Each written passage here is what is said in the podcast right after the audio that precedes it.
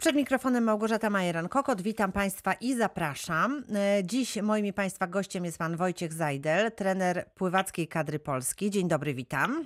Dzień dobry, witam Panią, witam Państwa. Na początku maja 27 już ogólnopolskie zawody integracyjne w pływaniu e, odbyły się we Wrocławiu. To jest e, pewien cykl spotkań, pewne zawody się rozpoczynają, w ogóle zaczyna się coś dziać w sporcie, prawda? Proszę nam opowiedzieć, jak to wszystko wygląda.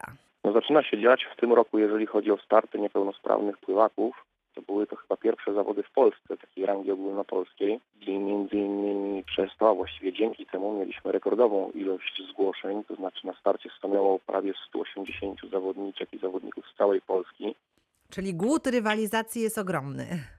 Tak, no to świadczy o tym, że zawodnicy są spragnieni startów, e, ale też e, nie ma co ukrywać, że my w tym roku mamy dwie bardzo ważne imprezy światowe, to znaczy już za chwileczkę zaczynają się Mistrzostwa Europy Seniorów w portugalskim Funchal, a wiadomo, że na przełomie sierpnia i września mamy start w Igrzyskach Paralimpijskich w Tokio. Dlatego też no, sprawdzenie swojej formy sportowej przed tymi głównymi startami jest bardzo ważne. Stąd między innymi myślę tak duża frekwencja u nas. Mhm. No i jak przebiegały te zawody, jak pan je ocenia? E, Zawody miały charakter dwudniowy. Część konkurencji odbyła się w sobotę, część w niedzielę. Poziom tej frekwencji oceniam jako bardzo wysoki. Przyjechała naprawdę nasza polska czołówka, przynajmniej jeżeli chodzi o zawodników z niepełnosprawnością, bo w zawodach, przypomnę, mogą startować również pełnosprawni zawodnicy i tak też było w tym roku. Natomiast poziom był bardzo wysoki, rywalizacja bardzo zacięta. Wyniki naprawdę e, były obiecujące e, również w kontekście tego, co już powiedziałem, w kontekście Mistrzostw Europy Seniorów i Igrzysk Paraolimpijskich. Także ja jako organizator tych zawodów jestem naprawdę bardzo zadowolony. Bardzo duża potrzeba e, właśnie startów, rywalizacji. Jak pan sądzi, e, czy jak pan to obserwuje po tym e, czasie e, pandemicznym, kiedy no, zawody nie odbywały się, w jakiej kondycji są zawodnicy i czy ta pandemia miała jakiś wpływ na, e, na zawodników? Na część na pewno miała. To w dużej mierze zależy od tego, jak e, w klubach w Polsce zawodnicy mieli możliwość realizacji e, programu treningowego. E, Bo na przykład są takie miasta, gdzie było to, odbywało się to bez jakichkolwiek problemów, a niestety są takie miasta, jak na przykład Częstochowa, gdzie do tej pory nie, nie otworzył się żaden basen. W związku z tym, no tam tak jakby ci kadrowicze, no nie mieli możliwości realizowania programu treningowego. Ale generalnie oceniam e, pozytywnie. Myślałem, że będzie e, dużo gorzej i że, że wyniki będą słabsze i prognozy przed Mistrzostwami Europy i Igrzyskami Paraolimpijskimi nie będą tak obiecujące, a po tych zawodach jestem optymistą i myślę, że będzie, będzie dobrze. A jak sprawili się Dolnoślązacy? Dolnoślązacy sprawili się przyzwoicie. Nie wygrali co prawda klasyfikacji generalnej, ale na bardzo wysokich miejscach e, uplasował się Igor Chrechorowicz. E, Również Kamila Bierna ze startu Wrocław była wysoko w klasyfikacji generalnej.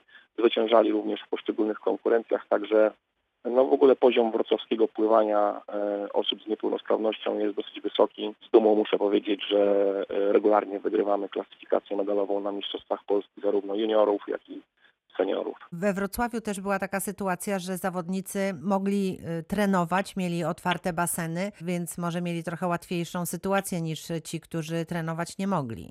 No tak, na pewno to w jakiś sposób wpłynęło. Mieliśmy możliwość e, praktycznie przez cały czas, e, aby realizować e, program szkolenia. Wyjątkiem e, był okres w zeszłym roku, od marca do początku czerwca, kiedy faktycznie było wszystko pozamykane i nie mogliśmy w ogóle trenować.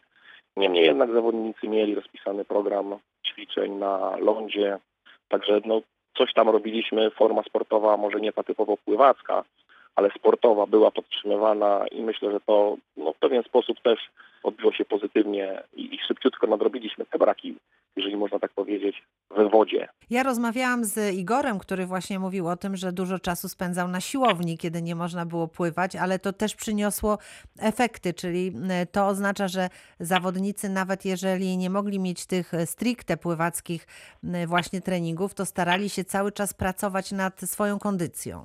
Tak, no jest zestaw ćwiczeń e, na lądzie, który pływacy mogą i powinni nawet wykonywać, nawet na co dzień. Natomiast tutaj podczas tej przerwy związanej z zamknięciem wypływalni, no większy nacisk po prostu po- położony na właśnie ćwiczenia na gumach, na er- ergowiosłach.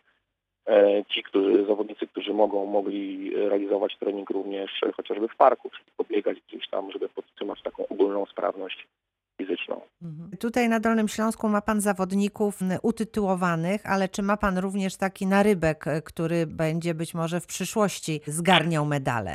Tak, no w zeszłym roku na Mistrzostwach Polski juniorów, które były się w październiku, w kategorii juniorów młodszych e, praktycznie każdą konkurencję wygrało dwóch zawodników z Wrocławia. Szymon Cymbalista i Rafał Burzyński, którzy dominowali praktycznie w każdej konkurencji. No i to jest nasz narybek, to jest nasz potencjał, e, który za chwilę myślę będzie e, za, za, za kilka lat zostanie powołany do kadry naro- narodowej i będą stanowili o siłę tej reprezentacji. Zresztą nie tylko oni, mamy również innych bardzo młodych zawodników. No tak jak powiedziałem, wygrywamy klasyfikacje medalowe również na Mistrzostwach Polskich Juniorów, więc o przyszłość wrocławskiego pływania osób z niepełnosprawnością jestem bardzo spokojny. Nie Zresztą musimy się o to martwić. Nie musimy się o to martwić i będziemy chyba zresztą mieli najliczniejszą ekipę e, pływacką na Igrzyska Paralimpijskie do, do Tokio, dlatego że z Wrocławia, ze z wrocławskiego startu e, najprawdopodobniej, bo jeszcze kwalifikacje nie są zamknięte, ale będzie uczestniczył, będzie uczestniczyła Oliwia Jabłońska, Alan Ogorzałek, Igor Chrechorowicz, również Wojciech Makowski, który wywodzi się co prawda z Kielc, ale w tej chwili trenuje e, razem z nami, reprezentuje barwy klubu AZS AWF Wrocław, ale trenuje tutaj akurat sekcją Start Wrocław. Również najprawdopodobniej na Igrzyska załapie się Kamil Rzetelski, który do niedawna reprezentował nasze barwy, a w tej chwili, a w tej chwili wyjechał do Gdańska i, i studiuje i, i trenuje w e, Gdańsku, no ale tak jakby jego rodowód jest tutaj stąd z Wrocławia, bo jeszcze przecież półtora roku temu trenował we Wrocławiu. Więc y, będzie to solidna wrocławska reprezentacja na Igrzyska Paralimpijskie, zważywszy na to, że my najprawdopodobniej będziemy mieli 8 miejsc na Igrzyska. No to myślę, że pięciu zawodników z Wrocławia to solidna To jest akcja. się czym pochwalić, oczywiście, to wspaniale. E, A jak pan ocenia ich szanse e, medalowe? Czy możemy mieć taki trochę apetyt na, na podium? Oczywiście, że tak. Ja mam nadzieję, że, że Wrocław tradycyjnie się wykaże i przywieziemy, przywieziemy medale tutaj do naszego regionu. E, Wydaje się, że największe szanse będzie miała Oliwia Jabłońska, ale myślę też, że powalczy Wojtek Makowski, który jest srebrnym medalistą z Igrzysk Paralimpijskich w Rio de Janeiro, więc w tej chwili jest tak jakby naszym e, najbardziej utytułowanym pływakiem, no bo zdobył ten medal na ostatnich igrzyskach. E, Myślę też, że Igor z Alanem jako młodzi gniewni, którzy Igor dopiero co skończył 18 lat, Alan jeszcze nawet nie ma 18 lat. Myślę, że młodzi gniewni, którzy bardzo szybko się rozwijają, pokażą lwi pazur i też e, tania skóry nie sprzedadzą. Mam nadzieję na dobre miejsca. Nie wiem, czy na medale, bo w tak młodym wieku trudno zawyrokować, e, ale mam nadzieję, że powalczą o bardzo dobre miejsca dla nas, e, a tak naprawdę będą stanowili o sile tej reprezentacji powiedzmy za 2-3 lata. Pan prowadzi wrocławskich pływaków już e, od lat. E, Udaje się osiągać takie wspaniałe rezultaty. Czy to jest tak, że, że wytworzył się taki dobry klimat tutaj wokół Pana, wokół startu, właśnie dla pływaków, dla zawodników tej dyscypliny sportu, że tak wszystko się tutaj już od lat w zasadzie dobrze układa? Trudno mi powiedzieć, e, jak to działa, natomiast wydaje mi się, że kluczową kwestią jest kwestia naboru do sekcji. U nas ten sukces, który w którymś momencie przyszedł, napędził, nakręcił nam kolejnych zawodników, którzy się zainteresowali, którzy przyszli do nas i którzy chcieli podjąć, no nie ma co ukrywać, ciężką pracę, bo pływanie to jest jednak ciężki trening, bardzo monotonny, bardzo mozolny, trudny psychicznie też do, do, do wytrzymania do zrealizowania i ten sukces, który gdzieś tam się wydarzył praktycznie od 2008 roku, potem 9, w 12 Oliwia srebrny medal zdobyła przecież w Londynie. Myślę, że to nakręciło tak jakby inne osoby z niepełnosprawnością, które zaczęły do nas przychodzić. No i, i, dzięki temu, dzięki temu mieliśmy kogo szkolić, mieliśmy jak iść do przodu, jak się rozwijać. E, Nie ma co ukrywać, że osoby z niepełnosprawnością nie zawsze chcą podejmować aktywność fizyczną, zwłaszcza, tak jak mówiłem, tak trudną, jaką jest pływanie. E, I tutaj widzę podstawowy problem w innych klubach. Problem jest z- z naborem, z tym, żeby zachęcić osoby z niepełnosprawnością do wyjścia z domu, do odejścia od komputera, e, do odstawienia pilota od telewizora, żeby się jednak zmusić do tego, żeby wyjść z domu, przyjść na basen, czy, czy niekoniecznie na basen, czy na jakąkolwiek, uprawiać jakąkolwiek inną aktywność fizyczną o charakterze czy to rekreacyjnym, czy sportowym, ale żeby wyjść z domu, żeby nie siedzieć w czterech ścianach, tylko żeby czymś się zająć, e, bo szkoda życia. Dobry przykład jest tutaj znakomitą motywacją, bo jeżeli e, przychodzą młodzi ludzie i widzą innych, którzy ciężko pracują, ale jednocześnie tworzą świetny zespół, odnoszą sukcesy, to to jest takie zachęcające i mobilizujące. No tak, na pewno sukces nakręca kolejny sukces, przynajmniej mam nadzieję, że to u nas będzie tak funkcjonowało. Tak naprawdę w klubie pracuje wiele osób, jest sukces wielu osób, którzy się na to którzy się na ten sukces złożyli, którzy zapracowali na ten sukces. Niewątpliwym naszym atutem jest również e, ilość treningów. Nie wszystkie kluby w Polsce stać na to, żeby trenować tyle, ile powinien profesjonalny czy zawodowy pływak, czyli żeby realizować trening dwa razy dziennie po dwie godziny w wodzie. E, my mamy taką możliwość i też dzięki temu, myślę, mamy te sukcesy, te wyniki, które mamy. A powiedział Pan, że ten trening jest taki no, trudny, mozolny, więc jak wygląda taki trening e, zawodnika, który już szykuje się do takich poważnych zawodów? Tutaj nie różni się to absolutnie niczym od zawodników takich e, pełnosprawnych, takich zdrowych, czyli jest to trening dwa razy dziennie po dwie godziny w wodzie. Rano trenujemy od godziny 6 do godziny 8 E, potem najczęściej zawodnicy idą do szkół albo do domu, na, no w tej chwili przynajmniej, na nauczanie zdalne. E, I po południu 17, 18, kolejne dwie godziny mamy w wodzie. Do tego mamy sporo wyjazdów na zgrupowania takie centralne tak zwane, czyli mówiąc krótko obozy kadry, które odbywają się w różnych miejscach. No jest to klasyczny trening pływacki, dwa razy dziennie po dwie godziny w wodzie. Mm. Zawodnicy różne odległości przepływają. Y, Igor z Alanem, którzy mają, czy z Oliwią, którzy mają niewielkie niepełnosprawności, przepływają dystans na poziomie 6, 5, 6 do 7 kilometrów na jednej jednostce treningowej, czyli dziennie to jest 10, 14 nawet kilometrów. Do tego dochodzi trening na lądzie godzinkę, więc no, to są spore obciążenia zarówno wysiłkowe, jak również czasowe. No trzeba się temu poświęcić po prostu. Tak, tak, tym większy szacunek tym zawodnikom się należy, bo na przykład Igor w tym roku y, zdaje aktualnie jeszcze maturę y, i za chwilę będzie próbował dostać się na studia i pogodzenie tego wszystkiego, tej nauki zdalnej również z treningiem, to nie są takie proste Gdyby ktoś chciał zainteresować się e, tym sportem, pływaniem, e, jakie cechy powinien mieć taki zawodnik? Myślę tutaj o e, predyspozycjach fizycznych, ale także psychicznych. No tak, predyspozycje fizyczne wiadomo, natomiast no tutaj bardzo dużą rolę odgrywa to, co pani redaktor powiedziała, czyli psychika. Niestety to jest trening monotonny, mozolny, bo jednak pokonuje się ciągle te same tak jakby odległości, w sensie no, no, na tym samym basenie się trenuje. Zawodnicy w różny sposób e, sobie to urozmaicają, liczą kafelki. E, naprawdę, tak. No, tak, żeby zabić czasami myśli czymś, czymś innym, żeby się czymś tak jakby odwrócić swoją uwagę od tego, od tej monotonii, no bo jednak tak. pływa się ciągle w tą samą w tą i z powrotem, w tą i z powrotem. Tutaj to się nic nie zmienia. Czasami się zmieni basen, bo się jedzie na obóz, czasami się jedzie na jakieś zawody, ale generalnie to jest bardzo monotonny trening. I tutaj, tutaj widzę największy problem w tej monotonii, że ktoś musi być po prostu na to odporny.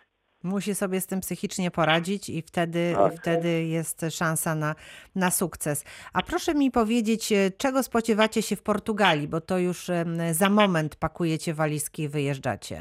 Ech, trudno powiedzieć, czego się tam spodziewamy. Na ostatnich mistrzostwach Europy wywalczyliśmy 14 medali, to było dosyć dużo. To teraz przykro by było, gdyby było mniej. Tak, byłoby bardzo przykro, gdyby było mniej. Trudno jest mi powiedzieć, kto tak naprawdę w tych mistrzostwach Europy weźmie udział. E, no bo wiadomo, że warunki pandemiczne nie sprzyjają takim wyjazdom, startom i e, powiem szczerze, że też jestem, e, tak jakby mam trochę niepokoju związanego z tym, czy wszystkim zawodnikom, czy całej ekipie wyjdą negatywne testy na obecność koronawirusa, bo my musimy takie testy zrobić e, przed wyjazdem, później tam na miejscu. I jeżeli cokolwiek się wydarzy, to tutaj no tak jakby mam trochę niepokoju związanego właśnie z, tym, z tą samą naszą akredytacją tam na miejscu, bo nikt nas tam nie przyjmie, jeżeli będziemy mieli pozytywny, jeżeli ktokolwiek z nas będzie miał pozytywny wynik testu. Natomiast w takiej samej sytuacji są wszystkie inne reprezentacje.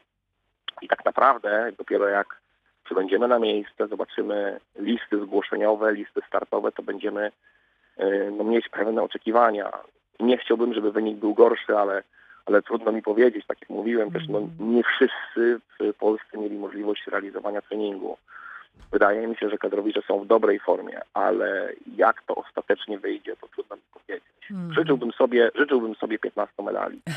Żeby było ciut więcej niż poprzednio. Żeby było, tak jest, progres musi być. Większa, tak, satysfakcja. Ale ten pro, problem covidowy, o którym Pan mówi, e, dotyczy także Igrzysk Paraolimpijskich. Tak, no na igrzyska to w ogóle będzie, na igrzyskach w ogóle będziemy mieli dość duży problem. E, przede wszystkim z aklimatyzacją, dlatego że e, Tokio leży w zupełnie innej strefie czasowej i podróżując na wschód, każda, go, każda godzina różnicy w czasie to jest półtora dnia adaptacji tam na miejscu. Już wiemy, że niestety nie będziemy mieli możliwości, żeby tam polecieć 9 dni wcześniej, 9 dni przed naszymi startami, bo jest 6 godzin różnicy, więc półtora dnia, to wychodzi na to, że 9 dni wcześniej minimum powinniśmy tam być. Mhm. Już wiemy, że nie będzie takiej możliwości właśnie ze względu na te obostrzenia wszystkie. E, Do tego jeszcze, no, mm, z tego co, co, co widzę, to mieszkańcy Tokio bardzo mocno protestują w ogóle przeciwko igrzyskom zarówno olimpijskim, jak również paraolimpijskim. Więc de facto tak naprawdę na dzień dzisiejszy my nie wiemy, kiedy będziemy mogli tam polecieć. My oczywiście zrobimy wszystko, żeby się przygotować jak najlepiej. Mamy zaplanowany obóz e, w bardzo wysokich górach w Hiszpanii na wysokości prawie 2,5 kilometra. Przez trzy tygodnie będziemy tam się przygotowywać, ale brak tej adaptacji w Tokio Mhm. e, no jest dosyć poważnym Może mieć znaczenie. nas. Mhm. Tak, może mieć znaczenie, ale no to jesteśmy w takiej samej sytuacji jak prawie, mówię prawie, prawie wszystkie ekipy, no może tam mieszkańcy Japonii, może y, mieszkańcy Chin będą mieli troszeczkę łatwiej, czy w ogóle mieszkańcy tamtego regionu, ale tutaj kraje europejskie czy amerykańskie będą miały dość duży problem, ale to mówię, jesteśmy w tej samej sytuacji co większość, więc nie ma co narzekać, trzeba zrobić wszystko, żeby się przygotować jak najlepiej. A kto jest waszym największym rywalem? Zawodnicy z jakich zakątków świata, których się najbardziej boicie? Jest dużo silnych reprezentacji. Ostatnio bardzo duży postęp zrobili Włosi. Myślę też, że tradycyjnie groźni będą Chińczycy, e, zawodnicy Ukrainy, Brytyjczycy, e, Amerykanie. Myślę, że jest też, e, będzie dosyć liczna grupa Australijczyków, którzy też w ostatnim czasie zrobili dość duży progres.